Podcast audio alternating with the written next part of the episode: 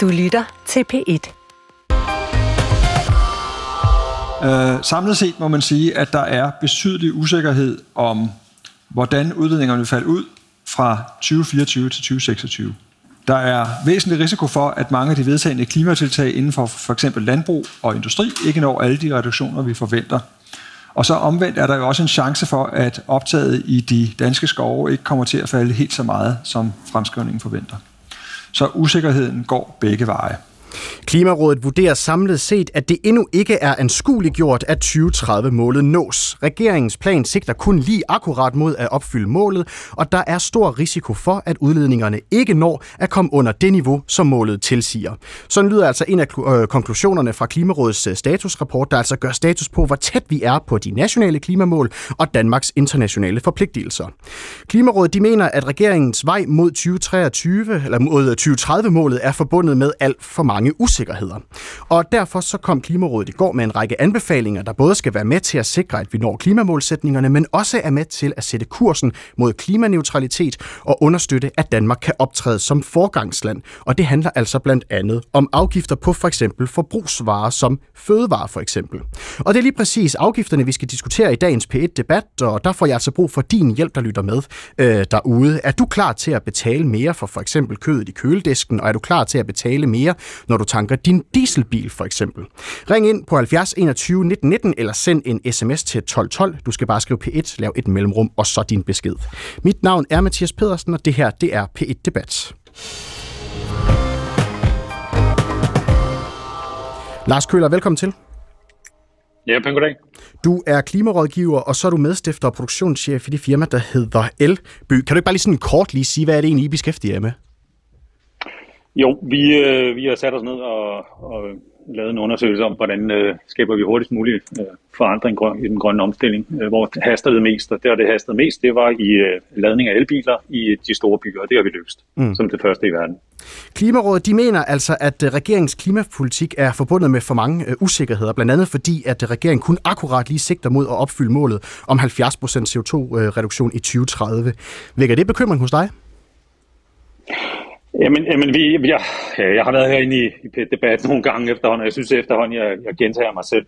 Øh, og, jeg, og jeg kommer til at sige præcis det, som Klimarådet siger. Øh, det, det er usikkerheden, der er det helt store problem, og det er den manglende handling, som de har pointeret øh, i, i, i, i nu gennem ja, 3-4 år, ikke? Øh, der bekymrer mig. Øh, og og det, det, den, den usikkerhed, øh, de nævner, er jo ikke, ikke bare et spørgsmål i forhold til, hvilke virkemidler, der lykkes eller kan, kan, kan bonge ud, eller ikke bonger ud. Øh, jeg synes også, vi bliver nødt til at tage en, en diskussion om usikkerheder i, i klimasystemet, og, og jeg synes faktisk også, vi bliver nødt til at tage en snak om, om reduktionsmål kontra CO2-budget. Okay, lad os lige starte... Fordi der, lad, der, der ligger noget ret vigtigt. Lad os lige starte med det, en, det er det, jeg er optaget af lige Ja, og lad os, ja. lige, lad os lige starte med en ting ad gangen, øh, øh, Lars. Det der med, yes. at du, du har bekymringer for klimasystem, hvad er det, du mener med det? Jamen, det hænger sammen med... Øh, det hænger sammen med vores CO2-budget og vores reduktionsmål. Det, det, det er lidt øh, intertwined, hvad hedder det på dansk, viklet ind i hinanden. Øhm, klimasystemet er, er, er, jo et, er et system, der, der, der er påvirkeligt. Vi påvirker det lige nu med CO2, vores CO2-udledning. Øh, og, og, og der er noget, der hedder tipping points, som er ligesom øh, steder, hvor vi, hvor vi går over, ligesom skubber kuglen over øh, bakkens top, og så ruller den fra os. Øh, og der er dansk forskning øh, blandt andet fortalt, at det gør vi i et sted mellem 1,5 grader og 2 grader. Der, der begynder de første tipping points at, at, at trigge. Vi, kan, vi hører allerede fra forskningen nu, at øh, ved 1,2-1,3 grader, at, at der er øh, flere, mere og mere forskning, der siger, at vi allerede har nået de her tipping points. Øhm, for eksempel her forleden var der, var der ny forskning ude, der sagde, at Thwaites-gletsjeren på, på Antarktis øh, øh, faktisk havde nået sin tipping point. Øh, og den usikkerhed, den synes jeg faktisk, vi bliver nødt til at tage en, gevaldig snak om. Fordi øh, vi bliver nødt til at snakke, i min øjne bliver vi nødt til at snakke om, om worst case scenarios. Ikke at jeg har nogen som helst øh, frygt for, at vi ikke kan lykkes med det her. Jeg mener faktisk sagtens, vi kan lykkes med det her. Øh, det er derfor, jeg er iværksætter og, og prøver at løse det her mm. med, med konkrete løsninger. Men, men vi bliver nødt til at tage en, en, en gevaldig snak om, øh, om, hvor risikovillige er vi. Altså, hvor meget er vi villige til, hvor meget af vores børns fremtid er vi villige til at lægge på bordet øh, i, i, hvad skal man sige, i et forsøg på at undgå, at vi i dag skal kunne mærke det her, altså mærke den her omstilling. Den ja, og, La- og Lars Køller, noget af det, som, som, øh, som Klimarådet øh, øh, konkluderer her i deres konklusion, det er sådan set, at hvad skal man sige, initiativerne, de er jo sådan set øh, på vej, og de peger jo sådan set i, mm. i en retning, mm. men der er en bekymring for, at øh, de ikke har den rette, hvad skal man sige, effekt i forhold til at nå vores 2030-mål, men de, de siger jo sådan set også, at ja. initiativerne er på vej og peger i den retning. Men, men igen, øh, det, det jeg har sagt de sidste ja, nu 4-5 år øh, med den sidste regering her, for den nuværende og den sidste regering, der, der, der er super meget fokus på, på de langsigtede løsninger. Og al ære og respekt for det, det skal vi også have. Men endnu vigtigere er det faktisk, at vi har fokus på de korte reduktioner, altså de reduktioner, der bonger ud nu og her. Og det har jeg, undskyld mit, mit direkte ordsprog, set øh, øh, øh, ingenting fra den nuværende regering på. Der, er, der gribes ikke fat, for eksempel gribes der ikke fat i det, den største værktøj af dem alle. IPCC siger, at vi kan opnå 70 procent af vores reduktioner i 2030 med adfærdsændringer. Det gribes der ikke fat i mm. overhovedet. Og, og, og lige øh, præcis jeg ved, adfærds... Ja, det er lige, jeg skulle lige tage, øh, jeg skulle lige tage stoppe, Lars Køller, fordi det kommer, vi, vi kommer ind på adfærdsændringer og så videre lige om et ja. øjeblik. Må jeg ikke lige tilføje, må jeg lige tilføje, Mathias, fordi jeg synes, der er noget vigtigt her i forhold til, til, til hvilket kommissorium, som, som Klimarådet de agerer ud fra. De agerer ud fra en politisk sat dagsorden, altså reduktionsmål hvilke reduktionsmål vi snakker om. Jeg synes også, vi bliver nødt til at snakke om det CO2-budget, der ligger bag. Fordi det har faktisk vist sig, at fordi vi ikke har handlet så hurtigt, som vi burde have gjort, så har vores reduktionsmål, eller hvad skal man sige, det, det bagvedliggende CO2-budget, så er det blevet brugt hurtigere, end vi havde beregnet, altså det, der ligger til grund for vores 70% reduktionsmål, i en grad, der gør, at vi faktisk nu øh, skal reducere 80% i 2030. Og det er vel at mærke, hvis vi reducerer 54% i 2025. Og hvis vi holder de to ting, altså 54 procent i 2025 og 80 procent i 2030, så kan vi være i 0 i 2039, hvis vi skal overholde vores CO2-budget. Hvis, hvis vi gør, som der gøres i dag, altså sigter mm. mod 70 procent i 2030, 51 procent, det, det vil sige den lave ende af det her spektrum, i, øh, i 2025, så skal vi være i 0 i 2033, Altså et sted mellem 2033 og 2034. Og, det vil sige, man kan sagtens opnå, man kan, vi kan godt opnå vores reduktionsmål, og samtidig balre mm. gennem vores CO2-budget. Og, og Lars, og sige, Lars, der, Lars Køller, fordi, fordi lige nu der du, du, du, du slynger om dig øh, med tal, og jeg håber virkelig, at både panelet herinde og også dem, der lytter med, de kan følge med så langt.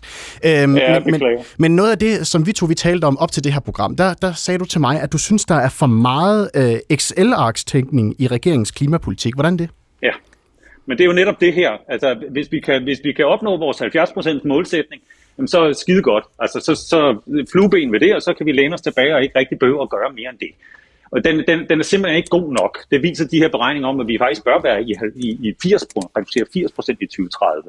Øhm, så, så, så, så der er en helt grundlæggende øh, tilgang til, til den grønne omstilling, som er, i min bog er helt forkert. Mm. det handler igen om, hvor, hvor risikovillige er vi. Altså er vi, er vi villige til at, at, at, at satse vores børns fremtid øh, på, Godt. på, øh, på, på krydset fingre mm-hmm. og, og, og et Excel-lagt mål? Øh, frem for at vi vil lytte til videnskaben og tage de CO2-budgetter, som, som ligger til grund for reduktionsmålene, alvorligt eller ej. Godt. Jeg spørger lige Anne Paulin her, som også er kommet ind i øh, studiet. Velkommen til dig, Anne Paulin. Tak. Du er miljøordfører for Socialdemokratiet. Er der for meget Excel-tænkning i øh, regeringens klimapolitik? Altså handler det om at, øh, at hvad hedder det, klare en målsætning, så kan vi vinge den af, og så er vi glade og tilfredse, og så behøver der ikke gøres mere? Selvfølgelig er der meget teknik i klimapolitik, fordi vi baserer os jo på data, og nogle gange så bliver den data fornyet, og så øh, finder vi ud af, at noget udleder mere eller mindre, end vi havde troet. Og sådan er det bare. Vi laver klimapolitik på baggrund af et, øh, et fagligt grundlag. Men jeg kan ikke genkende det her, som Lars øh, siger med, at vi kun er fokuseret på det, som er langt ude i fremtiden osv. Altså, gasfyr, som der bliver taget ud, erstattet af fjernvarme øh, og øh, varmepumper. Det går meget hurtigere, end vi regnede med, dengang da vi lavede øh, klimaloven. Vi får flere grønne biler på øh, vejene, end vi egentlig havde regnet med, at vi ville have på det her tidspunkt. Så er masser af de her eksempler på øh, helt konkrete ting, der ændrer sig for øjnene af os. Og er det, nok? er det nok? Jamen, det, er jo, det, er jo ikke, øh, det står jo ikke alene. Og øh, vi er jo heller ikke øh, der, hvor vi siger, jamen så skal vi nå et 2030-mål, og så stopper verden, og så stopper klimapolitikken der. Tværtimod, så står der jo netop i klimaloven, at vi næste år i 2025 skal tage fat på, jamen hvad skal vores reduktionsmål så være for 2035? Det er det, der ligger i klimaloven, at vi hele tiden har en fremdrift i at skulle tænke frem og, i tiden. Og så øh, tværtimod, så har vi et rigtig godt redskab i vores klimalov, der fastholder os på at tænke fremad. Og hvad, hvad tænker du så om nu, at nu kommer Klimarådet ud og påpeger, at der er en usikkerhed forbundet med, at regeringen sådan kun lige sigter efter lige præcis at nå øh, 2030-målet. Der er simpelthen for mange usikkerheder, som der kan, der kan gå galt, og så når man det ikke i sidste ende. Jamen, vi er glade for, at øh, Klimarådet øh, undskyld, skriver det her med, at det er sandsynligt, at vi når 2025-målet, fordi det er også vores egen vurdering. Og så er der det omkring 2030, hvor de peger på nogle usikkerheder. Og det er Klimarådets opgave at pege på de her usikkerheder over for os politikere, give os nogle øh, lektier, som de mener, at vi skal arbejde videre med. Sidste år pegede de for eksempel på en forhøjet dieselafgift. Det har vi sådan set øh, øh, lyttet til og kommer til at, og, øh, at gøre. Så øh, ja, og vi når man lytter så, til og når man Klimarådet. Så, og når man så læser i rapporten, så foreslår de jo faktisk nærmest, at den afgift, den skal næsten være dobbelt så høj, som den I selv foreslår. Ja, og der er der jo så, kan man sige, en, en metodefrihed i, at de er en rådgiver. Vi lytter til dem, vi tager det, det, det der kommer fra dem øh, seriøst, men mm. det er jo heller ikke det mandat, Klimarådet har, at de lige præcis, øh, så behøvede vi ikke have nogen politikere, hvis at øh, det kun var Klimarådet, som der skulle øh, finde ud af, hvordan er det så, vi opnår vores 2030-mål. Men deres og, helt de overordnede bekymring, det er, at regeringen kun sådan lige har sigtet mod lige præcis at nå øh, 2030-målet. Er det ikke for risikabelt, når man tænker på den alvorlige situation, vi står i på nuværende tidspunkt? Og de usikkerheder, dem øh, lytter vi jo selvfølgelig til, og vi kommer jo til at have et forløb nu med den grønne trepart, og vi skal finde ud af, hvad vi gør på landbrugsområdet. Øhm, så vi lytter selvfølgelig også til de usikkerheder, som de peger på. Samtidig så er det jo også vigtigt at huske på, at det er et mål om 70 procent, som vi har en bred aftale om i, mm. i Folketinget. Det er ikke et mål om 75 procent i 2030. Hvis at vi når dertil, kunne det da være skønt sikkert, men det er et mål om 70 procent. Og så kommer ja. vi jo så til at forpligte os på, hvad bliver målet så i 2035, og derfor er der heller ikke nogen, der har en interesse i, at alting skal gå i stå efter 2030. Og nu siger du det der med, at det kunne da være skønt, hvis vi ramte 75 i stedet for. Der er jo sådan et øh, udtryk, som hedder øh, sigt mod månerne, eller månen, og hvis du øh, skyder ved siden af, så rammer du stjernerne. Altså, var der ikke en idé i, at man så fra politisk hånd lagde en ambition, lagde en plan, som sigtede mod højere end 70% reduktion, og skulle man så ikke øh, lige præcis klare målet, jamen så kunne det jo så være, at man havnede på de 70% og så levede vi sådan set op til klimaloven. Jamen det er jo kun fem år siden, vi vedtog klimaloven, og dengang var alle jo sådan, det er jo helt urealistisk øh, det her, altså det var det, var det der fyldte. Øh, har politikerne bare sat det her urealistiske mål op? Nu kan vi jo faktisk se, at det ser ud til, at vi med Hvem de er det, ting, der går synes, har... det er urealistisk? Jamen det var der, der mange, der sagde dengang med, med, med klimaloven. Er det bare sådan hvem, et hvem, flot tal? Hvem siger det? Hvem Jamen, siger, det er urealistisk? Under, under valgkampen, vi var der selv, øh, der var mange partier, der var meget skeptiske over for det, inden vi øh, landede på de, øh, på de 70 procent og fik lavet den aftale om det. Og vi synes faktisk, det var lidt vildt, fordi det er en stor opgave. Nu har vi vedtaget øh, ting, som der bringer os 85 procent øh, af vejen, og vi mangler stadigvæk mm. noget, men det er ambitiøst. Det er altså også vigtigt at holde fast i. Og vi har jo også med det her regeringsgrundlag faktisk, øh, hvad hedder det, flyttet øh, det tidspunkt, hvor vi skal være klima, lad mig lige gøre det færdigt, ja. hvor vi skal være klimaneutrale frem til 2045. Mm. Så det har vi flyttet frem, og det kommer jo også til at lægge et ekstra pres på de ting, som vi gør i de her år, og hvad vi også gør øh, men, i men, årene. Men nu, siger, men nu siger du, at uh, jeres klimamålsætning i sin tid var super uh, ambitiøs, og der var mange, der synes det kunne slet ikke lade sig gøre, uh, og så videre. Nu er der så en, uh, et uh, klimaråd, der kommer ud og siger, at de sådan set er bekymret for, om det overhovedet er de planer, I har lagt frem, om de overhovedet er ambitiøse nok til, at vi kan nå uh, uh, hele vejen med de 70% reduktioner. Er det ikke værd at lytte til? Jo, selvfølgelig er det værd at lytte til. Det gør vi i den grad også. Sidste år så sagde Klimarådet også, at øh, øh, der var også usikkerhed omkring det her med øh, øh, vedvarende energi øh, på land og til havs. Det har vi også arbejdet rigtig meget med i mellemtiden og lavet den her store aftale om, øh, om havvind. Så vi lytter hele tiden til, hvad Klimarådet siger, og øh, tager det meget seriøst som en, en rådgiver af det, som de kommer med. Lars Køller.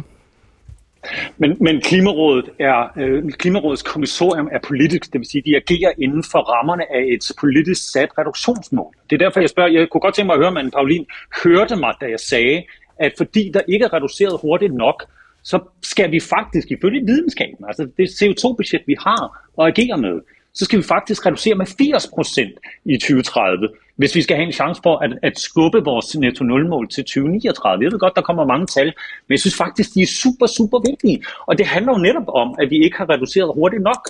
Der er for meget langsigtet planlægning og for lidt reduktioner Godt. i dag. Du får Altså, lidt der svar. tages ikke fat. Du får lidt svar fra jeg kan godt høre, Lars, at du ville have ønsket, at klimaloven den blev lavet på en anden måde. Og vi havde også diskussionen, dengang Nej, vi nej, lavede nej, klimaloven, nej. om om det skulle Nej, være oh. et CO2-budget, eller om det skulle være de her øh, måltal. Og så har vi jo så sat det her 2025-mål ind for at sikre, at der jo ikke går sådan alt for meget hængekøje i den, at vi også har et, øh, et mellemstop mellem, øh, mm. hvad hedder det, frem mod, mod 2030. Øh, og det ser jo ud til nu, konkluderer Klimarådet jo også, at det er sandsynligt, at vi når det. Så der er jo en fremdrift i det, og så synes jeg, det er helt fair, at Lars han godt kunne have tænkt sig, at, øh, øh, at der var sket endnu mere og hurtigere osv., men øh, vi har den klimalov, som vi har, og det er også den, som Klimarådet, de øh, selvfølgelig øh, holder sig inden for. Det ville da være mærkeligt, hvis de ikke holdt sig inden for Og den før det her, klimalov, det bliver... som vi bredt har vedtaget i Folketinget. Lars, Lars, et øjeblik, et øjeblik, sorry. fordi, fordi øhm, nu har jeg, jo, jeg har jo inviteret en masse mennesker her, som ved en masse om klima og så videre. Øh, det er jo jer, der er eksperterne, ikke mig. Jeg øh, ved ikke øh, lige så meget, som, som I gør, og jeg er jo måske som, sådan, øh, som journalist og, og menig menneske, måske ikke så optaget af, hvordan en klimalov lige pludselig er øh, indrettet i forhold til, om det skal være måltal, om det skal være øh, CO2-budgetter. Jeg er måske interesseret, og det er vores lyttere måske interesseret i ting, der virker, ting, der batter, ting, der reducerer vores øh, CO2-udledning i Danmark. Øhm, og når Klimarådet kommer ud og siger, at den målsætning, man har sat, den er øh, fyldt med usikkerheder, fordi man kun lige når øh, målet, hvis det er sådan, at alt det, man har sat i værk, det virker. Er der så ikke en grund til at tænke, måske skulle vi hæve barn, måske skulle vi hæve ambitionerne bare en lille bitte smule? Anne Pauline. Jo, og det gør vi jo også hele tiden, og det jeg siger, det er jo også, at vi lytter til Klimarådet. Vi tager det selvfølgelig seriøst, når de peger på nogle, øh, nogle usikkerheder, øh, og så prøver vi jo på at arbejde med at gøre klimapolitikken endnu øh, stærkere og mere robust øh, frem til, at vi så får deres rapport øh, næste år, så de forhåbentlig også kan se nogle øh, fremdrift. Lars Køller, en- en kommentar fra dig, så skal vi tage videre i debatten også.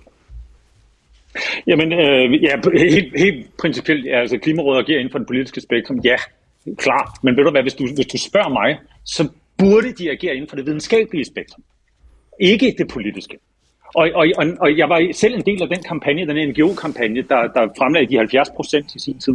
Jeg står ved de 70 procent dengang, men præmissen eller grundlaget har simpelthen ændret sig, fordi der ikke har været nok handling. Det er det, jeg siger.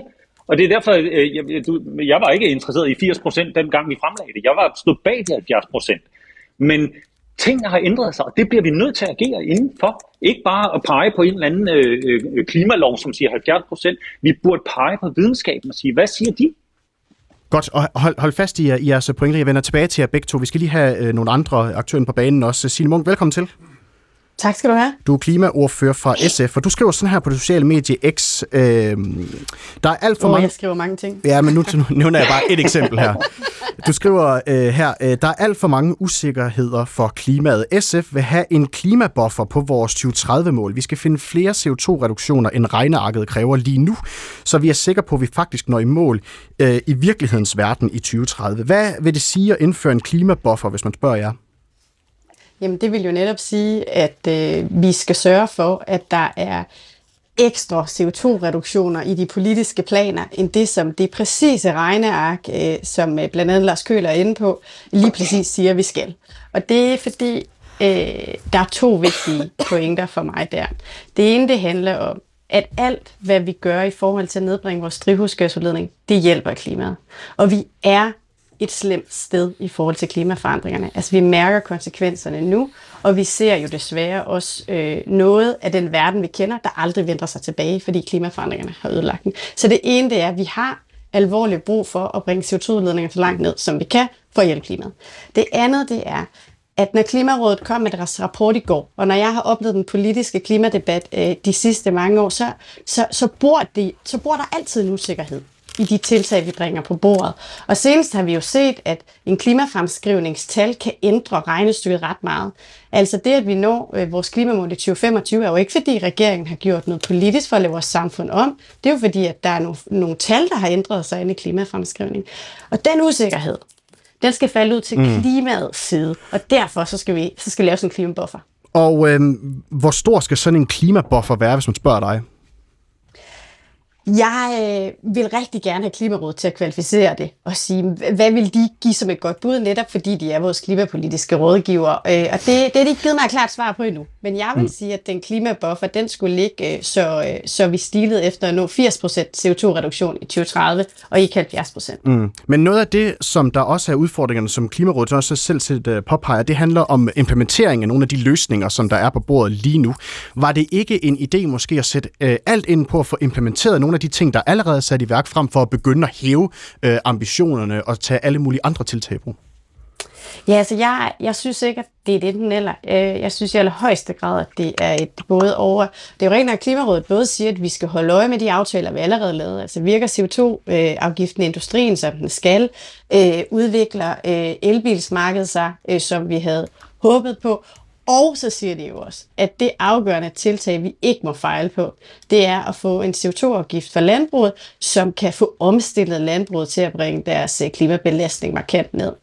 Og, øh, og, og derfor så er det begge dele. Men jeg synes jo, at, at det bliver meget aktuelt, ligesom med den sidste store øh, øh, opgave, øh, øh, der, der virkelig øh, ligger her, og det er jo, at vi ikke skubber landbruget foran os, men virkelig får bragt dem ind. Mm. Så derfor så er det både at klare øh, at holde øh, øh, foden på speederen på alle de områder, vi er gået ind på allerede, de aftaler, vi har lavet, men det er så sandelig også at få lavet nye tiltag. Og landbruget vender vi også tilbage til senere øh, i programmet. Henrik Fransen, velkommen til. Jo, mange tak. Klimaordfører for øh, Moderaterne. Giver Klimarådets statusrapport anledning til at tænke lidt over de ambitioner og de tiltag, man har sat i værk? Jamen altså, Klimarådet øh, udtrykker en bekymring for, om øh, vi når i mål i 2030, og det er jo i virkeligheden en bekymring, som de funderer i nogle politiske øh, processer, de har været inde og læse i, øh, i vores regeringsgrundlag, og kan jo se, at der blandt andet står, at det ikke må koste konkurrenceevne at indføre en CO2-afgift øh, på, på landbrugsproduktion, at det ikke må koste arbejdspladser osv. Der er jo ikke nogen af de øh, modeller, som Michael Svare har fremlagt, der ikke koster arbejdspladser for eksempel, og så er de bekymret for, om der så er det politiske commitment til så også gennemføre den CO2-afgift, som, som er nødvendig for, at vi skal få landbrugets øh, udledninger nedbragt. Og øh, der vil jeg jo gerne minde om, at der er jo ikke nogen af de modeller, som Michael Svare har fremlagt, der ikke bringer os i mål med 2030-målsætningen. Øh, og de første modeller, eller 1 og 2, mm. øh, mener faktisk også model 3, der er vi faktisk pænt over øh, den, de der 2,5 millioner tons, som, som vi har forpligtet os til i forhold til det. Øh, så jeg, jeg, jeg føler måske, at den, den bekymring, de udtrykker der, det er sådan mere en bekymring for, om vi som politikere står ved det, den målsætning, vi egentlig har sagt.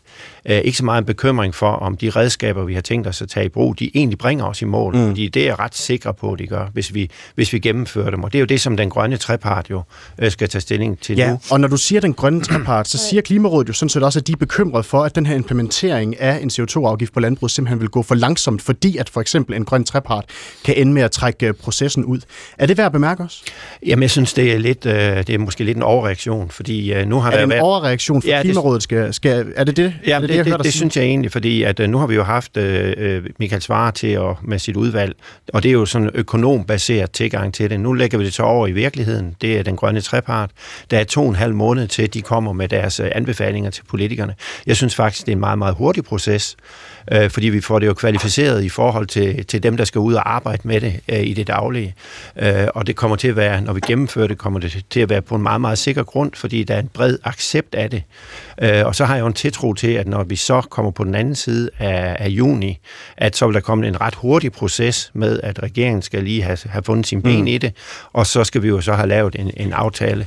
Og jeg tror jo jeg tror jo på, at når man præsenterer, når, mm. når den grønne trepart præsenterer sine anbefalinger, så vil det også være, være hvad skal man sige, at slutresultatet vil, vil, vil nok være noget, der, hvor man i hvert fald meget kan genkende det, som treparten har, har foreslået, og som jo i virkeligheden er kvalificeret i forhold til dem, der skal, der skal arbejde med det efterfølgende. Så du mener ikke, at det haster på samme måde, som Klimarådet øh, øh, udtrykker det i deres rapport? Jo, jeg mener helt klart, det haster. Jeg mener, at øh, vi skal skynde os så meget vi kan, men jeg mener også, at den grønne trepart er en vigtig element i at komme i mål med den, den rigtige implementering af en CO2-afgift og andre initiativer også, som jo ikke har været prøvet før noget sted øh, i verden, og derfor er det mm. vigtigt, at vi gør vores forarbejde, og at vi øh, gennemfører den på meget sikker Godt. grund. Simon, ja, ja, du får en kommentar. Jamen, det er fordi, når Henrik Fransen han siger, at øh, der er jo lagt de der tre modeller frem for en CO2-afgift i landbruget, ikke? Og, øh, og den model 1, den har den højeste afgift, det er den mest sikre model. Model 3 var Klimarådet også inde på øh, i går, da de fremlagde deres rapport, og de siger jo så tæt som på, at de dumper den. Fordi den er netop bygget op på en masse usikkerheder.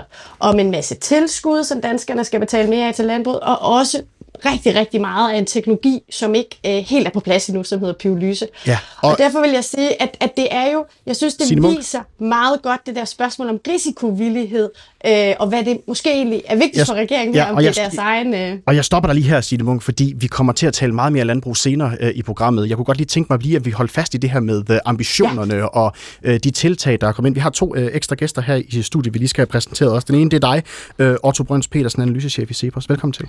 Tak. Synes du, de her usikkerheder, som Klimarådet øh, påpeger i deres rapport, bør give anledning til, at man øh, kigger på ambitionsniveauet i de tiltag, der er blevet spillet ud fra regeringen? Nej, det synes jeg egentlig ikke. Ikke, ikke hvis det handler om 70%-målet. Man skal huske, at 70%-målet, det er noget, som er et selvvalgt dansk politisk mål. Det kom til, som jeg tror, du var inde på, Pauline, øh, til under en lidt kaotisk proces under, under valgkampen. Så det er ikke sådan, at, at vi, verden går under, hvis vi ikke øh, når 70 procent. Øh, det er noget, danske politikere selv har valgt, og det er i virkeligheden ikke specielt godt underbygget, at vi lige præcis skal ramme de 70 procent.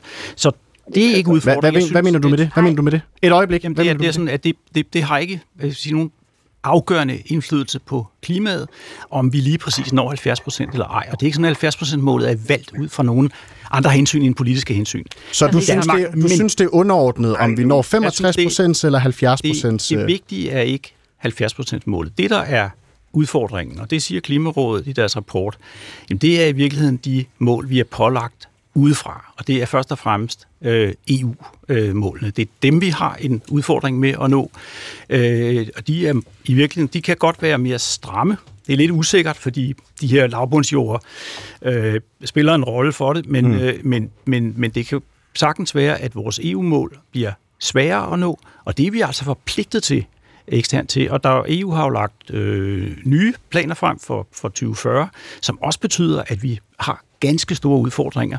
Så øh, jeg vil lægge mere vægt på, om vi lever op til vores EU-mål, og så vil jeg lægge vægt på, om vi gør det så effektivt som muligt. Men der er jo flere af de her ting, der jo godt kan øh, spille sammen på samme tid. At man både jo laver nogle tiltag, som gør, at vi lever op til de forpligtelser, vi har over for EU. Det gælder øh, blandt andet øh, transport og landbrug osv., som samtidig jo også skubber os imod, at vi når vores mål i 2030.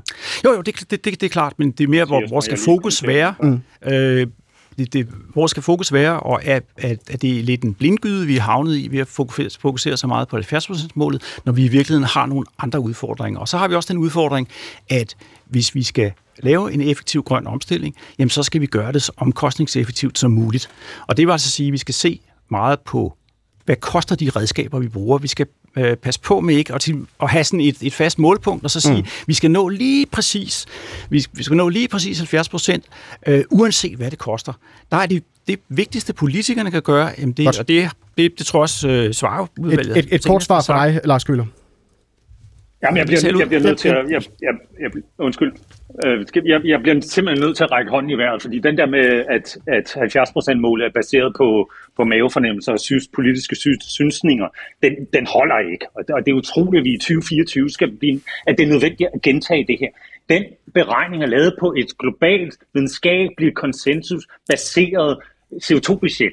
Så, så, så, så hvis ikke engang danskerne, som er, er et af verdens rigeste lande, kan opfylde det, så kan I godt glemme alt om halvanden grad, så kan I godt glemme alt om to grader, så brager vi gennem tre grader, og så er der et problem. Men, men noget af det, som Otto Brøns jo også siger, ikke... øh, øh, Lars, er jo, at, at, at der er også en far for, at politikerne måske stiger sig forblind på noget, som der jo egentlig er øh, politisk besluttet inde på Christiansborg, hvorimod der jo også er nogle internationale forpligtelser fra EU for eksempel, som jo også er noget, øh, man skal tage højde for. Jamen, øh, jamen så, øh, jeg har også lige sagt for, for, for få minutter siden, at vi stiger os forblind på, på CO, altså vores reduktionsmål. Vi bør fokusere på øh, CO2-budgetterne. Det er det, der er problemet. Det er det, klimaet reagerer på. Øh, og, og ja, der er, der, der, er der, der er der tiltag, der kommer fra, fra EU, og lige nu er, er, der, er der meget, der tyder på, at vi ikke engang kan leve op til EU's øh, forpligtelser. Mm. Altså, så... så øh, Godt. Otto Brøns, jeg, jeg, jeg, forstår simpelthen, jeg, jeg synes, det, det er et kæmpe problem, at vi i 2024 siger det her. Det, der, det, der det bliver ved med at være i debatten. Det, der er, Undskyld. det, der er faren, jamen, det er, at vi kommer til at afspore vores klimapolitik ved at øh, have sådan et batteri af forskellige mål, som vi lige præcis skal nå. Og det er klart, at hvis, hvis man står og, øh, og, og, og der er usikkerhed, og man kan nå målet, jamen så kan man risikere at komme til at øh, bruge en masse øh, penge på det, i stedet for at vi bruger de ressourcer, vi afsætter, så effektivt som muligt. Og det handler mere om, at vi laver et redskab, der virker, og virker på en lang bane, og det er meget simpelt, det er at sørge for at have en så ensartet pris på CO2 som muligt. Øh, det er den effektive måde, vi kan gøre det på, og så skal vi understøtte det øh, internationalt aftalesystem. Vi har et internationalt aftalesystem, og det er altså det, der skal bringe verden øh, videre, når vi taler om, øh, om klimaforandringer. Danmark har stort set mm. ingen indflydelse på øh, på, eller vi har ingen indflydelse på verdens klima. Vi har en, vi har en forpligtelse til at medvirke sammen med andre til på lige fod med alle andre få... lande i virkeligheden også. Altså, præcis. vi har jo lige så meget et ansvar for at reducere vores CO2-aftryk som alle mulige andre Det har lande. vi præcis. Øh, det har vi præcis, og det er også derfor, at vi skal have meget fokus på vores internationale forpligtelser og sørge for, at det internationale aftalesystem det er så effektivt som muligt. Vi skal ikke opstille selvstændige mål, som, vi, som om vi var de eneste, der havde indflydelse på klimaet. Det er lige omvendt. Det har vi. vi har faktisk ikke rigtig godt, nogen Jeg kan godt se, at der, der er mange, der gerne vil have ordet først. Vi skal lige forbi dig først, Anne Højer Simonsen. Velkommen til. Tak.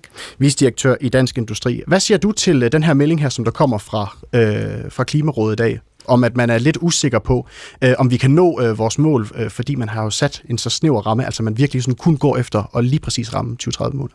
Altså vi er enige i, at der skal fuld fokus på handlinger og implementering. For eksempel står vi med industriens klimaafgift. Den er aftalt for snart to år siden, og vi har kun lovforslaget i høring. De forskellige ordninger, der skal implementere den, kender vi ikke.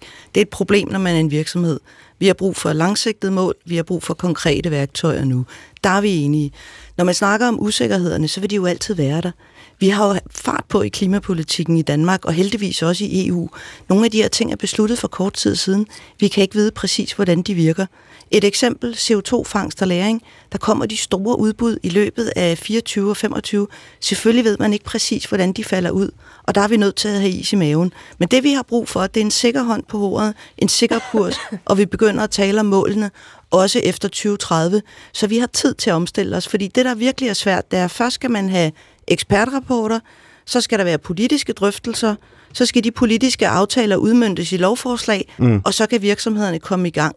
Vi har simpelthen brug for et længere sigte og en kortere lead time, så vi kan levere vores del af varen. Men når du siger for eksempel øh, CO2-fangster, der gælder det så om at have is i maven. Hvad så, hvis det viser sig i fremtiden, at det ikke havde den effekt, som man havde håbet på, at det ville have? Så er vi i betydeligt større problemer, end, øh, end nogen aner, fordi IPCC har peget på, at hvis vi ikke kan trække CO2 ud af atmosfæren, så er vi færdige med at nå den vigtige halvanden grads målsætning i øh, Paris-aftalen. Selvfølgelig skal Danmark investere i det og få det til at virke. Vi er et rigt land, mm. og det er også derfor, vi er gået ind i det fra industriens side. Og det kan godt være, at det er usikkert, og det kan godt være, at der er videnskabelig øh, tvivl om, hvor hurtigt det her kan gå. Men prøv at tænke på de virksomheder, der byder ind. Vi har et stort dansk virksomhed, der har lagt hånden på kogepladen og skal fange 400.000 øh, ton CO2 om et par år. Altså, jeg synes, at vi gør alt, hvad vi kan for at levere, og det vi ikke har brug for, det er, at der hele tiden bliver skabt usikkerhed om rammevilkårene. Hånden fast på rettet, og så derudad. Så du mener, at den kurs, vi har sat lige nu, den skal vi sådan set bare holde fast i? Der er ingen grund til at begynde at, øh, øh, at starte på nye initiativer? Altså, nu snakker jeg snævert inden for industrien, mm. men man kan sige, hvad skulle det dog være? Altså, vi har rigelige udfordringer med at få gennemført det, vi har.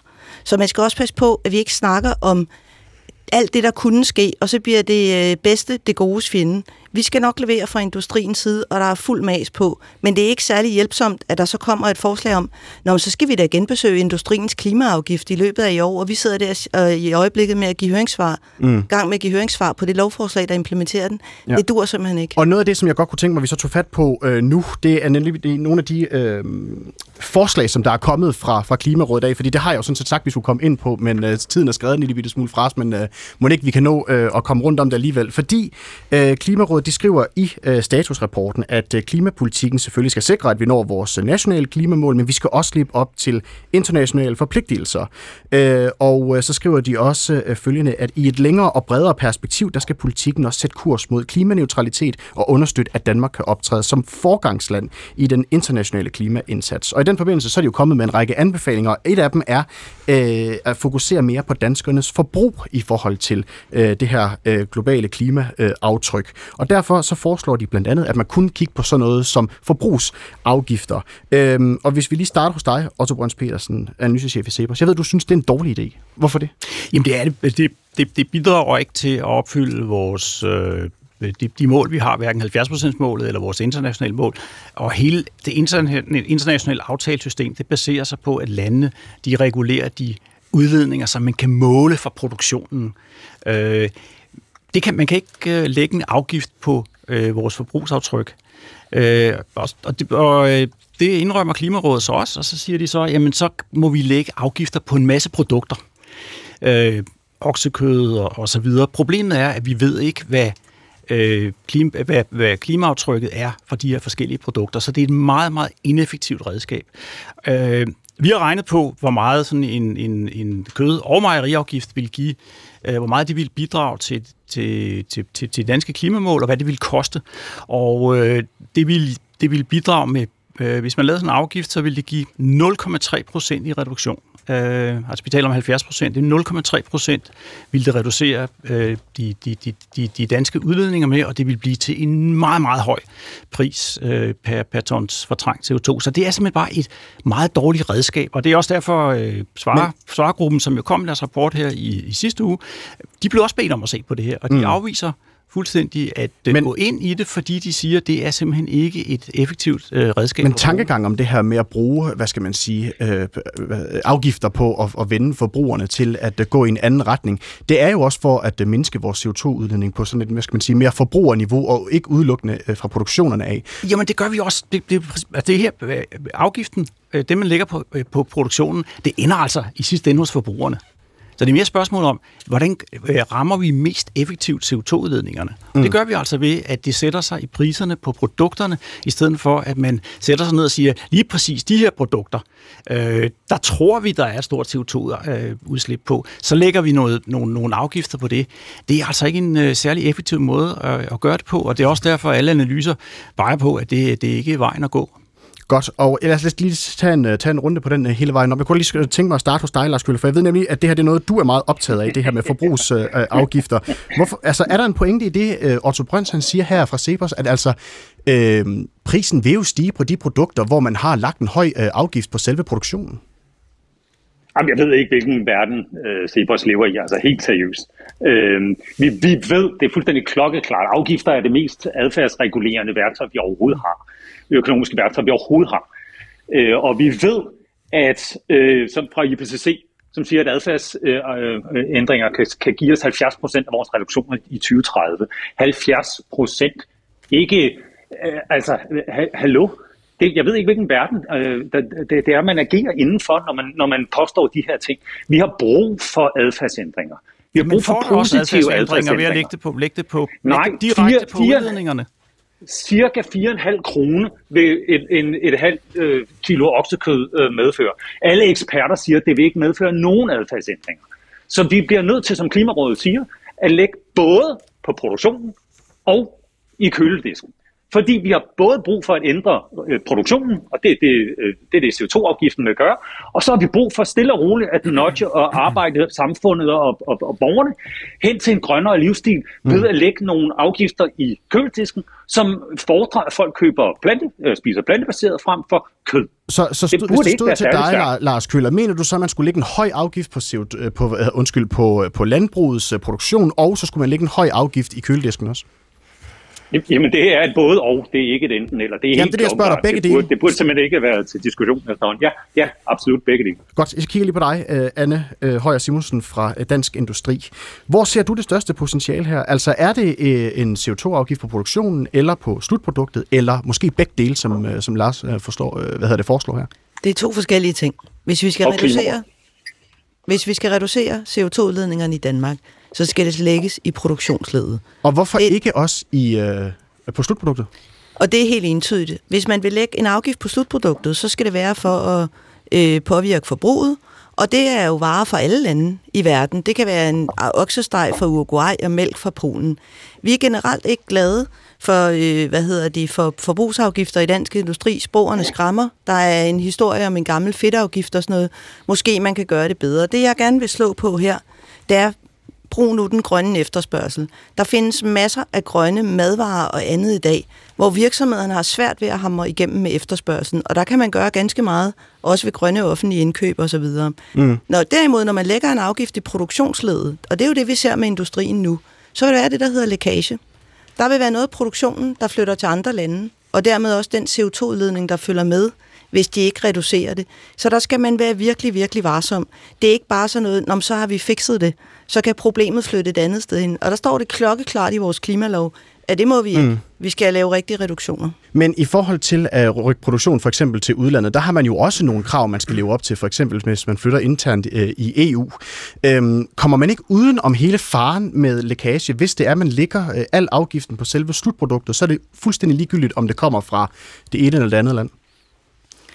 Altså, hvis det var lige, alt var lige i EU, så ville vi jo ikke stå her og snakke om 70 procent og landbrugsafgifter og alt det der, så det er jo notorisk ikke rigtigt.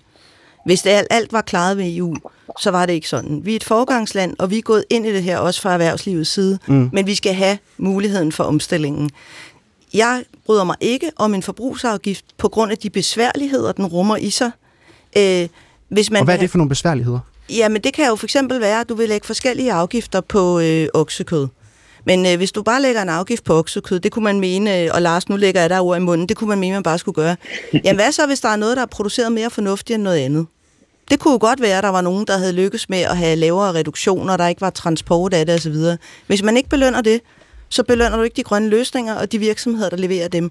Og det er altid afgørende for os i dansk industri. Det skal være sådan, at det, som man gerne vil have virksomheden til at gøre, det mm. bliver du også belønnet for. Godt, vi har jo tre Christiansborg-politikere med os, mm. vi skal lige rundt øh, til alle sammen. Lad os starte hos dig, Anne Pauline. Det her med, øh, for Socialdemokratiet, det her med øh, at lægge afgiften på slutproduktet, øh, samtidig med, at man lægger det også på, hvad skal man sige, selve produktionen.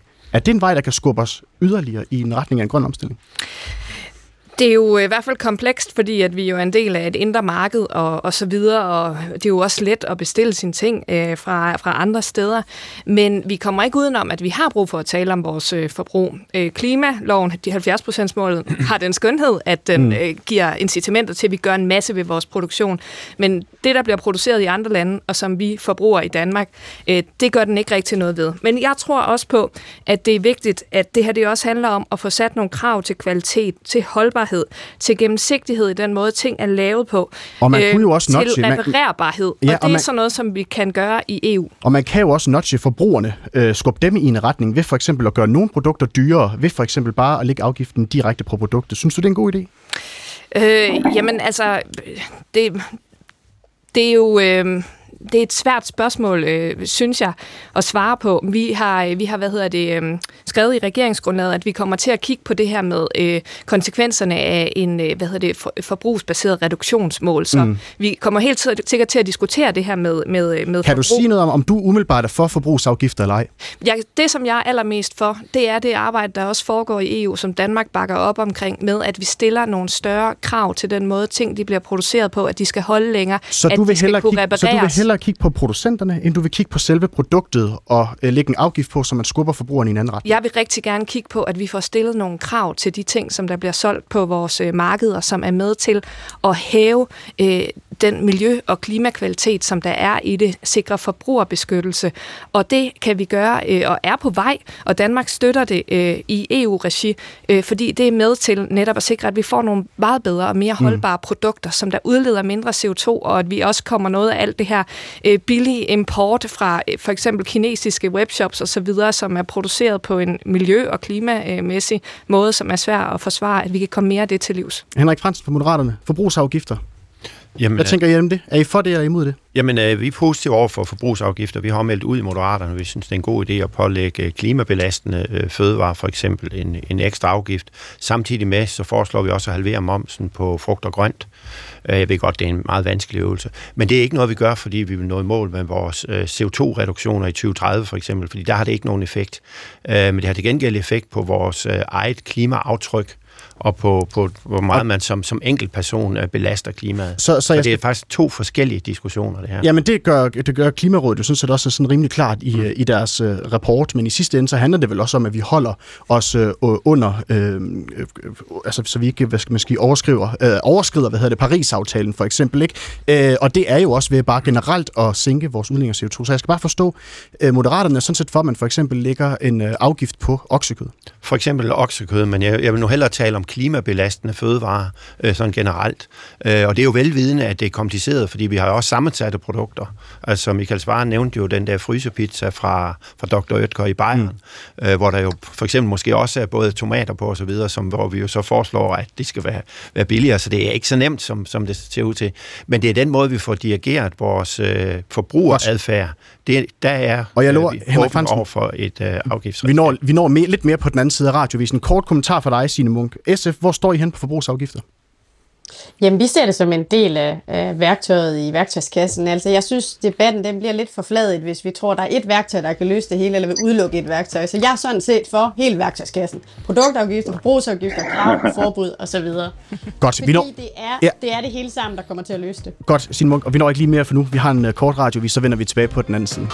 Klimarådet vurderer samlet set, at det endnu ikke er anskueliggjort, at 2030-målet nås. Sådan lyder en af konklusionerne, altså fra Klimarådets statusrapport, som rådet netop har fremlagt. Og en af forhindringerne på vejen for, at Danmark kan nå sit klimamål, er ifølge Klimarådet, at regeringen har besluttet, at den CO2-afgift, der skal pålægges på landbruget, ikke må mindske konkurrenceevnen. For begge ting kan ikke lykkes, lyder det altså fra rådet. Og øh, Klimarådet anbefaler i øvrigt, at CO2-afgiften skal indføres hurtigst muligt og ikke forsinkes af de grønne trepartsforhandlinger, som ventes at gå i gang snart. I den sidste del af P1-debat, der vender vi altså altså os altså imod øh, landbruget, og vi spørger, er regeringens ambition om, at den CO2-afgift ikke må koste arbejdspladser eller svække konkurrenceevnen urealistisk, og kan vi vente på, at parterne forhandler om den helt rigtige type CO2-afgift? Bland dig på 70 21 19 19 eller send en sms til 1212. Du skal bare skrive P1, lav et mellemrum og så din besked. Mit navn er Mathias Pedersen, og det her, det er P1 Debat. Og inden vi lige vender os 100% mod øh, landbruget, så synes jeg lige, vi skal byde velkommen til øh, Ellen øh, Dahl, som har ringet ind, fordi i den første time, der snakkede vi om det her med forbrugsafgifter, om tingene skulle blive dyrere, nogle af de ting, som altså har et højt CO2-aftryk. Ellen, velkommen til. Tak skal I have. Altså, jeg mener ikke, at man kommer udenom differentieret moms. Og hvis man ligger for mange år siden, der har man faktisk lavet beregninger på, hvilke klimabelastning per indtaget kalorie. Og det, der er værst, det er oksekød og lammekød. Hvorimod svinekød og øh, hønsekød er, er nogenlunde lige meget. Og ligger meget, meget lavere. Og derfor mener jeg, at man skal hæve momsen til 30 procent på okse- og lammekød. Og så sænke momsen på frugt og grønt øh, 5 procent til 20 procent. På den måde vil man automatisk få en incitament, og det vil være sådan, at de dyreste udskæringer vil også blive belastet mest med en forhøjet moms. Og det er jo netop kødkvæget, der er det mest belastende. Mm. Så derfor vil det stadig være muligt at have mælkekvæg, fordi der udfaser man jo øh, kvæget efterhånden, som de ikke giver nok mælk, og det giver automatisk de billige udskæringer, som heller ikke vil så blive belastet så meget, når det er en moms. For jeg tror ikke på punktafgifter. Jeg tror på, at det skal være momsen, der skal reguleres. Og på den måde at indregne, indregne en differentieret moms, det er jo ikke raketvidenskab. Altså, det kan alle andre lande, og så kan man bare sige, at, at kalve, kalve og lammekød, der skal være 30% moms på, og så øh, skal der være på grønt og, og, og frugt, der skal være 20% moms. Og så behøver man ikke at snakke om, hvad der er på en pizza og alt muligt. Og øh, Ellen Dahl, vil det være noget, der vil påvirke din hverdag, hvis de her ting, de altså gik hen og blev dyrere? Jeg er for længst holdt op med oksekød. Og, Og, og øh, vil, vil, øh, tror du, du var stoppet noget før med det, hvis det var sådan, at der, at der var lagt momsregulering Nej, på, at det var nej jeg dyrere? har tænkt på klima i lang tid, så det, det vil det ikke. Men, men for, for, for en del år siden, der var det lavet sådan en beregning, der blev publiceret omkring, hvad der var mest klimabelastende.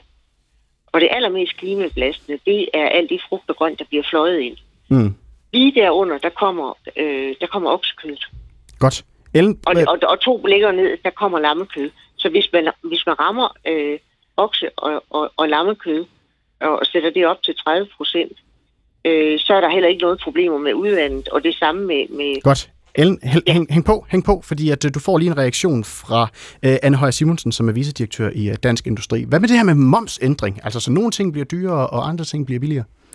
Hej Ellen, du har fat i det helt rigtige her. Det, det handler om, det er, at man ikke behandler det danske anderledes end udlandet. Altså, hvis man lægger en afgift på noget kød, så skal det være alt kød. Grunden til, at vi er lidt, øh, har det svært med den afgift, det er, hvordan man kan indrette det. Øh, kan man gøre det på en fornuftig måde. Men det er helt utrolig vigtigt, at danske varer ikke bliver stillet dårligere end udlandets, og at man får point for det grønne. Og så tror jeg, at jeg vil sende det med momsen videre til vores kære politikere herinde. Og øh, det kan I også få lov til at svare på. Bare kort kommentar. Men, vi kan lige starte. Ja, hvad siger du, Ellen? Ja, må jeg lige sige noget? Ja, kort. Altså, grunden til, at jeg foreslår det i momsen, det er fordi, at der vil, der vil dem, altså det vil ramme forbruget mere, for det vil ramme kødkvæg, og kødkvæg er det mest klimabelastende. Og, og, og, og det samme med lamme, lammekød. Det meste lammekød, vi spiser, det bliver importeret. Mm. Altså, altså og hvorimod øh, man vil også have en mulighed for en blidere omstilling, fordi man stadigvæk vil kunne gå i gang i slagterierne, fordi så kan de jo stadigvæk slagte deres høns og deres grise. Godt. Ja, du, får lige, du får lige et par uh, kommentarer her først fra Henrik Fransen, hvad hedder det, klimaoverfører for Moderaterne. Jamen, det minder ja. jo meget om det, vi har, det jeg lige foreslog også, at uh, altså et hæv, en afgift på, på, på klimabelastende. Uh, det er sådan, at vi må ikke sætte momsen op til mere end 25 procent i EU. Det, det, det, er, det, det er simpelthen det, det er defineret der. Men det kunne være en start så? Den er på 25 procent i den mm. momsen. Øh, men til gengæld må vi gerne øh, køre med differentieret moms, og øh, det, man må bare kun gøre det inden for varegrupper. Mm. Så man må ikke sondre mellem, om noget er fløjet ind eller ikke er fløjet ind. Men altså frugt og grønt, det er en varegruppe. Der må man gerne øh, for eksempel halvere momsen, som vi ja. har foreslået. Så hvis man vil gøre det dyrere, så er man nødt til at bruge afgiftsredskabet. Godt. Lars Kølle, du har også en kommentar? Jamen, jeg er meget, meget enig med, med Ellen. Differentieret moms er, er, er et kæmpe oplagt sted at tage fat. Øh, øh, der, er lavet, der er lavet beregninger, modelberegninger fra Institut for Fødevare og Ressourceøkonomi, som siger, at, øh, at øh, hvis momsen på sunde fødevarer fjernes, så vil salget stige mellem 13 og 17 procent. Altså øh, øh, kontra, at vores øh, udledninger fra, fra oksekødet i sig selv udgør 55 procent af, af danskernes øh, øh, altså udledninger fra fødevarer. Mm. Der, der, der, der er ikke nogen tvivl om, at der skal differentieret, øh, og hvis det er moms øh, eller ej, vi bliver nødt til at fremme og, og, og give et valg, eller hvad skal man sige, tage et valg. Fordi det at ikke at tage et valg, er jo også at vælge noget. Ved ikke at tage et valg, ved ikke at skabe, skabe reelt ligeværdig konkurrence, så vælger vi jo det, det sorte frem for det grønne. Anne Pauline, det bør og skal kom, være omvendt. Kort kommentar. Momsdifferentiering, så frugt og grønt for eksempel øh, Ja, der bliver der lagt en, en uh, lavere moms på. Ja, det er jo i hvert fald øh, ikke gratis at gøre det, og det er i hvert fald heller ikke ukompliceret at gøre Men er det en god idé? Så der, der er jo alle mulige ting Men er det en god idé, og, Anne Pauline? Jamen, der har været mange forskellige modeller fremme for, hvordan man så kunne stykke det sammen. Og nu får du bare en fra øhm, Ellendal. Nu får du en helt konkret forslag fra Ellendal. Ja. Synes du, det er en god idé? Ja, men altså... Ja, det var et ja. Nej, det, det var det ikke. Det var nej. Fordi jeg, jeg, jeg ved det ikke. Jeg, øh, jeg er uafklaret omkring det, men, men det er da ikke, øh, fordi vi har den momssystem, som vi har i dag, betyder det jo selvfølgelig ikke, at det nødvendigvis skal være sådan øh, øh, altid. Men, øh, men om, om ikke, momsen den skal se nu, anderledes nu, ud om fem år, end den gør i dag, det, det ved jeg Nu prøver jeg at møde dig. Et, et, øjeblik, et øjeblik, nu prøver jeg at møde dig et sted, Anne Pauline. Er du, øh, vil du sige, at du ikke er afvisende over for, at man kan regulere på momsen? jeg er aldrig afvisende over for, øh, for noget, som kan være med til at, at gøre, at, øh, at vi får, øh, kan man sige, mere bæredygtighed og, og så videre. Så jeg synes, at det er en god overvejelse, men som sagt, så er det jo også meget kompliceret, og det koster altså også nogle penge, hvis vi skal lave hele vores momssystem om. Så man skal jo måle det op over for andre ting øh, også. Godt. Ellen Dahl, kort kommentar til sidst. Altså, jeg kan ikke forstå, at man ikke kan sende det ned i EU og sige, at man ikke må forhøje momsen på oksekød til 30 procent. Det kan jeg simpelthen ikke forstå. Fordi altså, det har vi jo lov til at spørge om. Man har også lov til at gøre det, og så bagefter få tisk. Altså, jeg, jeg, er nødt til at, jeg er nødt til at sige, at, at man er altså nødt til at differentiere på kødtyper. Så skal man sætte momsen ned på gris og, på gris og, og, og og, og kylling. Og så må man lave punktafgifter på, på, på, på oksekød. Det, det, det duer altså ikke, at man ikke dømmer det værste kød ud, fordi mm. vi kan ikke få folk til ikke at spise kød. Godt. Ellen, tusind tak for ringen. Lige det præcis det der med, hvad man må nede i EU, og hvad man ikke må, det tror jeg, vi, tager, vi kan fylde en helt anden pæt debat med. så lad os, så lad os, ja, lad os gøre det en anden gang. Tusind tak for ringen, Ellen. Og så tager jeg fat lige her i en uh, sætning, som der jo står i regeringsgrundlaget. Der står, at afgiften, altså CO2-afgiften på landbruget, skal udformes på en måde, hvor erhvervet understøttes, således at erhvervets konkurrenceevne ikke forringes, og der dermed ikke flyttes arbejdspladser ud af landet samlet set. Nu kan jeg byde velkommen øh, til dig, Peter Kær. Velkommen til. Tak for det. Formand for Bæredygtigt Landbrug. Hvor vigtigt er det for dig, at uh, regeringen holder fast i lige præcis det her princip, som der står i regeringsgrundlaget? Ja, altså, de har jo skrevet så mange forskellige knudrede ting, der hænger ikke noget sammen med det her. Du kan ikke både lave en afgift, og så samtidig sige, at du kan holde hånden under arbejdspladserne, hvis det er de samme arbejdspladser, vi snakker om, altså bunden og hans ansatte, der arbejder ude på de respektive gårde i Danmark. Det kommer til at have en konsekvens. Det gør alt, man arbejder med, det har en konsekvens. Og det har man ikke lige tænkt over i, i det her tilfælde. Og øh, så du læner dig faktisk fuldstændig op af det, som både The Michael Svare og hans ekspertråd var ude med, og sådan set også Klimarådet det går, det her med, at, øh, at, at det ikke må skade konkurrenceevnen i landbruget. Det er fuldstændig umuligt, hvis man indfører en co 2 Fuldstændig umuligt. Det er jo, altså, det er jo politik på højt plan, og øh, vi, vi, der arbejder ude på landet, vi forstår ikke rigtigt, hvad, øh, hvad, hvad det handler om, men, men det har jo noget at gøre med, at nu man klatret så højt op i det her øh, kan man sige, afgiftstræ, og, og man kan ikke komme ned af det igen. Og, og så kommer svarudvalget med deres rapport, der viser præcis det, som vi hele tiden har sagt. Alting har en konsekvens, og det vil komme til at betyde noget ude i landdistrikterne. Det betyder arbejdspladser, og det vil betyde et enormt tab, også kulturelt i det danske samfund. Så noget af det, du måske efterspørger for nogle af politikerne nu, altså i hvert fald fra vores regering af, det er, at øh, de kommer ud, og så siger de tingene fuldstændig som det er det er jo ikke sket før, en politiker har sagt som tingene, som det er. Altså, det, øh, det er ikke en nyere tid i hvert fald. Tværtimod, så er vi blevet overdænget med byråkrati, og øh, efterlader snart samfundet, specielt de, øh, de selvstændige handlingslammede, fordi vi ved ikke, hvad, hvad stien er frem i tiden. Der er ikke noget værre, end ikke at vide, hvad fundament du står på, om det vakler, og du ikke har de retningslinjer, der skal til, så man kan se, hvordan man skal bygge sin virksomhed videre. Og landbruget er jo hele tiden blevet udskilt, men at sige, at vi ikke øh, vil den grønne omstilling, det er jo, øh, det er jo sådan noget, øh, jeg ikke forstår. Altså, jeg synes bare, at grøfterne er blevet gravet rimelig meget dybe, og politikerne de er sådan set med til at grave dem endnu dybere. Hvordan er politikerne det? Jamen, det der med, at nu skal landbruget også til at, at omstille sig. Altså, hvis vi tager vandmiljøet, så har vi jo halveret vores næringsstofudledning, selvom det er en anden fortælling, der er. Men det kan jeg sige, det er, det er der to streger under. Vi har halveret vores næringsstoffer ud til, øh, til vores havmiljø.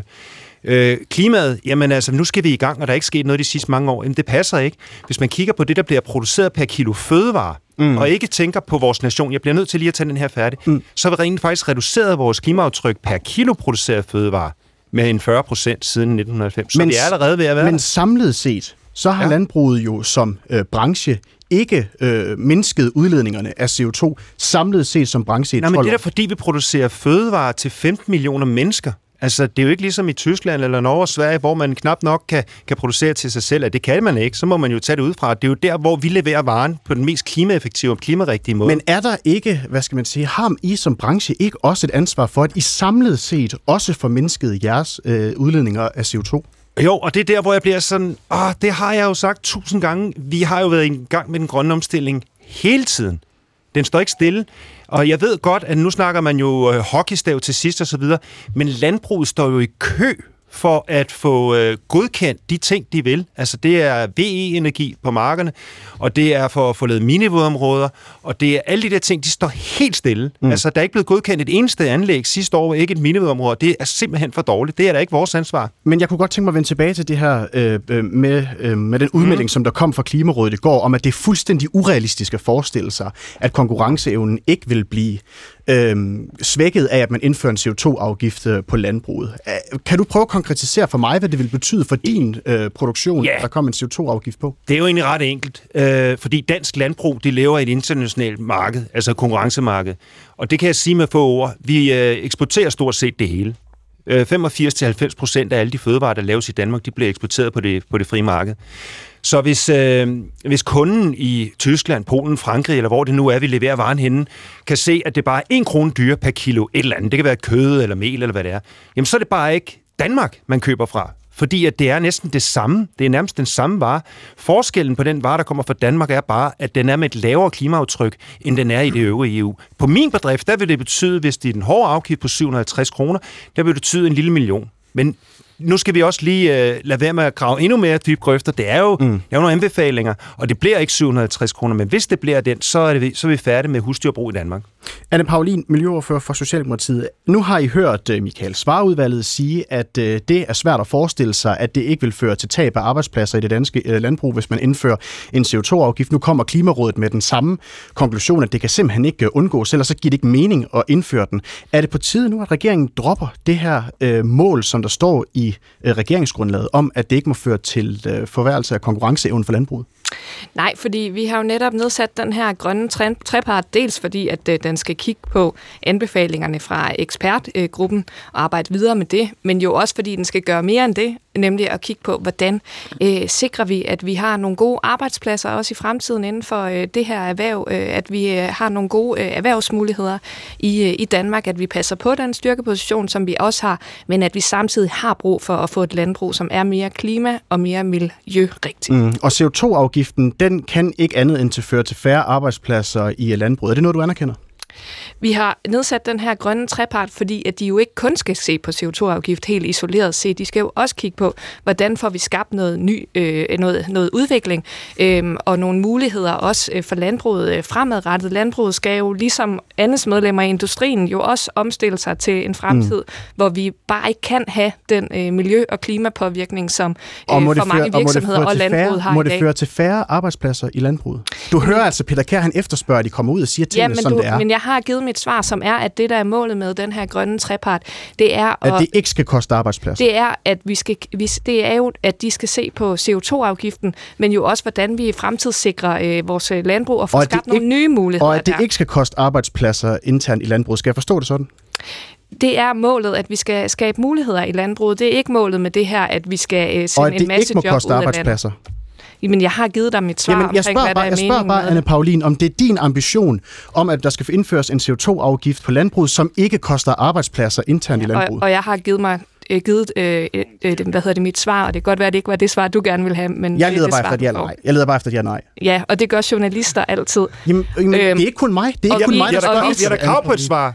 Det er også til at koste os arbejdspladser, eller kommer det ikke til at koste os arbejdspladser? Ikke det der med, at det bliver byttet rundt til nogle grønne arbejdspladser, men kommer det, eller kommer det ikke til at koste os arbejdspladser? Altså, det er da, det er da ja nej.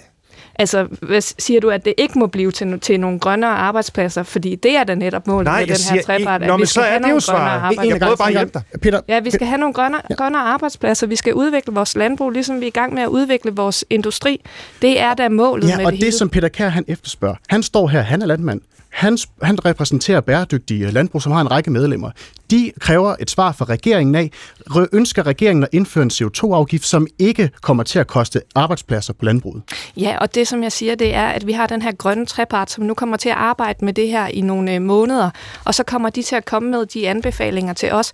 Og det, de skal se på, det er, hvordan får vi skabt gode arbejdspladser, hvordan får vi skabt gode erhvervsmuligheder inden for og, landbruget. Og det er en så ting, den her det diskussion, ting. den bliver enormt forfladet. Nej, det, det, synes jeg, det synes jeg faktisk ikke, fordi der er både øh, Michael Svare og det ekspert øh, og Klimarådet, som kom ud i går, bæredygtig landbrug, siger det samme. En CO2-afgift kan ikke andet end at koste arbejdspladser i landbruget. Og det spørger jeg så bare dig fra Socialdemokratiet, Paulin. Er du klar til det? Og det jeg siger, det er, at den her øh, grønne trepart, den kommer til at kigge på CO2-afgiften, men den kommer også til at se på det i et større perspektiv. Hvordan får vi skabt udvikling? Hvordan får vi skabt gode muligheder? Hvordan får vi fremtidssikret rammevilkårene inden for landbruget? Ja, og det er så bare der, jeg spørger, om den udvikling må resultere i, at det koster arbejdspladser i det danske landbrug? Jamen målet, det er da at udvikle arbejdspladserne inden for landbruget. Det er da ikke at nedlægge en masse arbejdspladser. Henrik Fransen, klimaordfører for Moderaterne. Den her sætning her om, at det ikke må svæge konkurrenceevnen. Tror du, det er realistisk, at man kan indføre en CO2-afgift på landbruget, uden det kommer til at koste arbejdspladser i landbruget?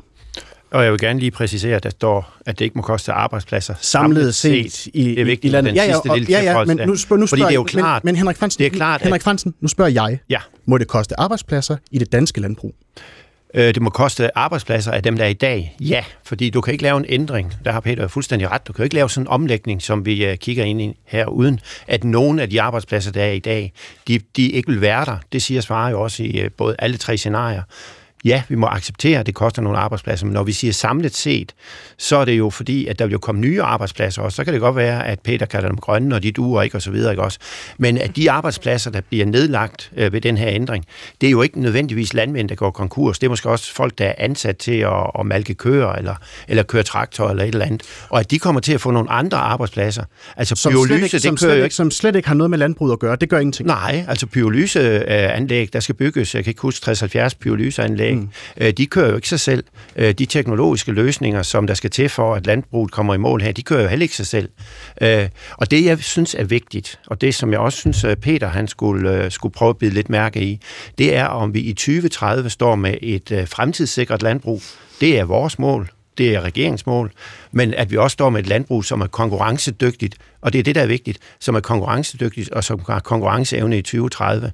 Og det er derfor, og, at det er vigtigt, at vi tager fat nu, og at vi ikke bare venter på, at der kommer noget teknologi, som sådan, og den her, vi regner med, her, da, da, da, da, nej, Ja, jeg vil og- gerne lige have lov at tale ud, øh, at vi sætter os bare ned og venter på, at der kommer noget teknologi af sig selv. Fordi det har jeg ikke tiltro til, at gør. Men hvis vi laver en afgift, så kommer der turbo på at indføre mm. teknologi. Fordi det, ja, nu har jeg selv været landmand, det landmanden han vil gøre med det samme, det er jo at sikre sig, at han kommer til at betale så lille en afgift som muligt. Og jo flere tiltag du, Ja. du, ind, du øh, gennemfører for at reducere din CO2-udledning, jo lavere afgift vil du også i sidste ende komme til at betale. Og det, jeg bare er interesseret i at høre i dag, det er, om, øh, om regeringen kan leve med, at der er færre ansatte i det danske landbrug i fremtiden, som et resultat af en CO2-afgift. Altså, jeg kan, nu er det jo ikke det, der sådan set bliver sagt. Der bliver sagt, at det vil koste jeg, nej, men det er det, jeg spørger. Det er det, Og jeg, det- Henrik ja. Hansen, det er det, jeg spørger dig om. Glem det andet, nu spørger jeg dig. Direkte i landbruget, ja. Men øh, samlet set, det tolker jeg også som om, at øh, i, På landdistrikterne, i alle mulige andre- i landdistrikterne, det er vigtigt, at vi har et landdistriktsperspektiv på det her også. Fordi der, altså, det er jo, i, man kan jo diskutere, at pyrolyseanlæg, er det direkte i landbruget? De servicerer landbruget, ja. Og derfor er det vigtigt. Men det kan jo også være, at der er nogle lande, som, som, øh, hvad skal man sige, som resultat af en CO2-afgift vælger at lukke deres landbrug, så får de job i en helt anden sektor. Det kunne sagtens tænkes, og det er jo det, vi ser også. Og det er også derfor, og det er jo også noget af det, som øh, Michael Svare jo viser, at i det store regnestykke, der er det her jo meget, meget lidt. Det er mellem en halv procent og en halv promille. Øh, Så det er jo ikke der. Men i det lille regnestykke ude i landdistrikterne, der betyder det meget, og på den enkelte bedrift, der betyder det også rigtig meget. Og det er derfor, jeg hæfter mig ved den der tilføjelse, der hedder samlet set. Fordi om en, øh, en, mm. en person, der malker køer i dag, øh, i fremtiden skal passe et pyrolyseanlæg, det tænker jeg måske ikke gør den store forskel. Eller blive skolelærer eller sygeplejerske. Eller Det sådan er også øh, fint, men, men hvis det er pyrolyseanlæg, så relaterer det sig jo til vores øh, CO2-afgift. Det relaterer sig til det udkomme, som sandsynligvis kommer fra den grønne trepart. Anne Højer Simonsen, visdirektør i Dansk Industri. Hvor står øh, Dansk Industri i forhold til den her CO2-afgift? Må den koste arbejdspladser øh, internt i det danske landbrug? Man kan ikke undgå, at der skal en omstilling til. Men jeg kan godt forstå, at det er ulideligt at høre på for dig, Peter og andre, at der er en masse tal, der flyver rundt, og lækage og lukket produktion. Det er folk, der står og har deres arbejdspladser og deres virksomheder. Det var præcis det, vi var igennem industrien. Så jeg vil godt opfordre til, kan man sige, en ordentlig tone hele vejen rundt. Altså når man taler om det, jeg siger ikke, folk ikke har det, men det er det, der er på spil. I industrien, der lykkes vi jo med at få konstrueret en model, og politisk få konstrueret en model, hvor der kommer en afgift, Samtlige midler i den afgift bliver ført tilbage til virksomhederne. Den bliver indfaset over tid. Altså, den starter ikke lige på et bestemt tidspunkt. Og dertil bliver der lagt nogle midler i fra samfundskassen, fordi man synes, det her var vigtigt. Det var det, det endte med. Nu, øh, nu før du kom, Peter, der havde vi travlt med at, at snakke implementering. Altså det der med, altså en ting er, at man får lavet en aftale, og det, vil jo, det er jo et stort skridt, men så er der noget tid bagefter. Så jeg forstår godt, det her det er svært, men det vi må holde fast i, det er, at vi er nødt til at have alle sektorer til at bidrage. Og der kommer til at ske omlægning, og vi står med altså skægget i postkassen, om jeg så må sige, i industrien. Øh, og jeg forstår godt, det er svært andre steder.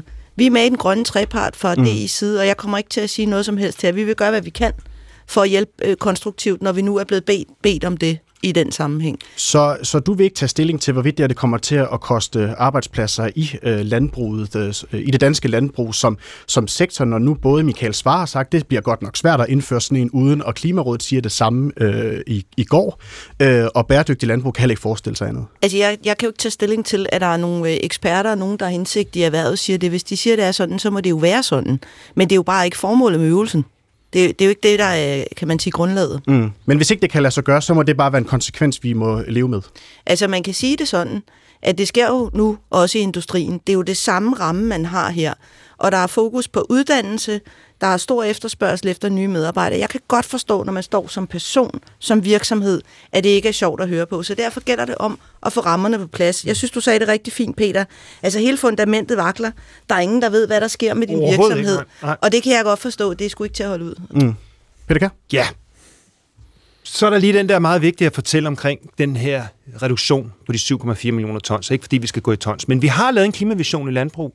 Altså i Bæredygtig Landbrug har vi lavet vores klimavision, Landbrug Fødevare har lavet noget, og det er sjovt nok meget ens de virkemidler, vi skal tage. Og det er ting, som landmændene allerede er i gang med. Og nu kommer spørgsmålet, hvorfor hulen skal man lave en klimaafgift, når vi kan nå målet uden en klimaafgift? Prøv at se alle de indviklinger, der er i det her. Det bliver mere og mere byråkratiske og knudret og umuligt at slippe ud af igen. Og det undrer mig bare, Henrik, at du selv gammel svinbunden og ovenikøbet formand for, øh, for det, der ikke hedder Landbrug og Fødevare, men øh, der hedder øh, Dansk Landbrug før, at, at du kan sige det, du siger, at vi skal acceptere, at øh, der er landmænd, der må dreje nøglen om. Når, vi, når du nu ved, og det ved jeg, du ved, og det er ikke politikeren, jeg taler til nu, det er Henrik Fransen, landmanden, at de biologiske processer, prøv at høre en gang, kig på mig, de biologiske processer på køer og grise, den kan man ikke røre ved. Man kan indskrænke det, man kan sætte produktionen ned for at komme i mål, men du kan ikke gøre noget med afgifter for, for at gjort mere effektiv. Det er vi i gang med, det når vi det samme mål, uanset om vi sætter afgifter på eller ej. Så det I er ude på, Henrik, gammel landmand, det er, at du er ude på at sætte produktionen af dine egne landsmænd ned.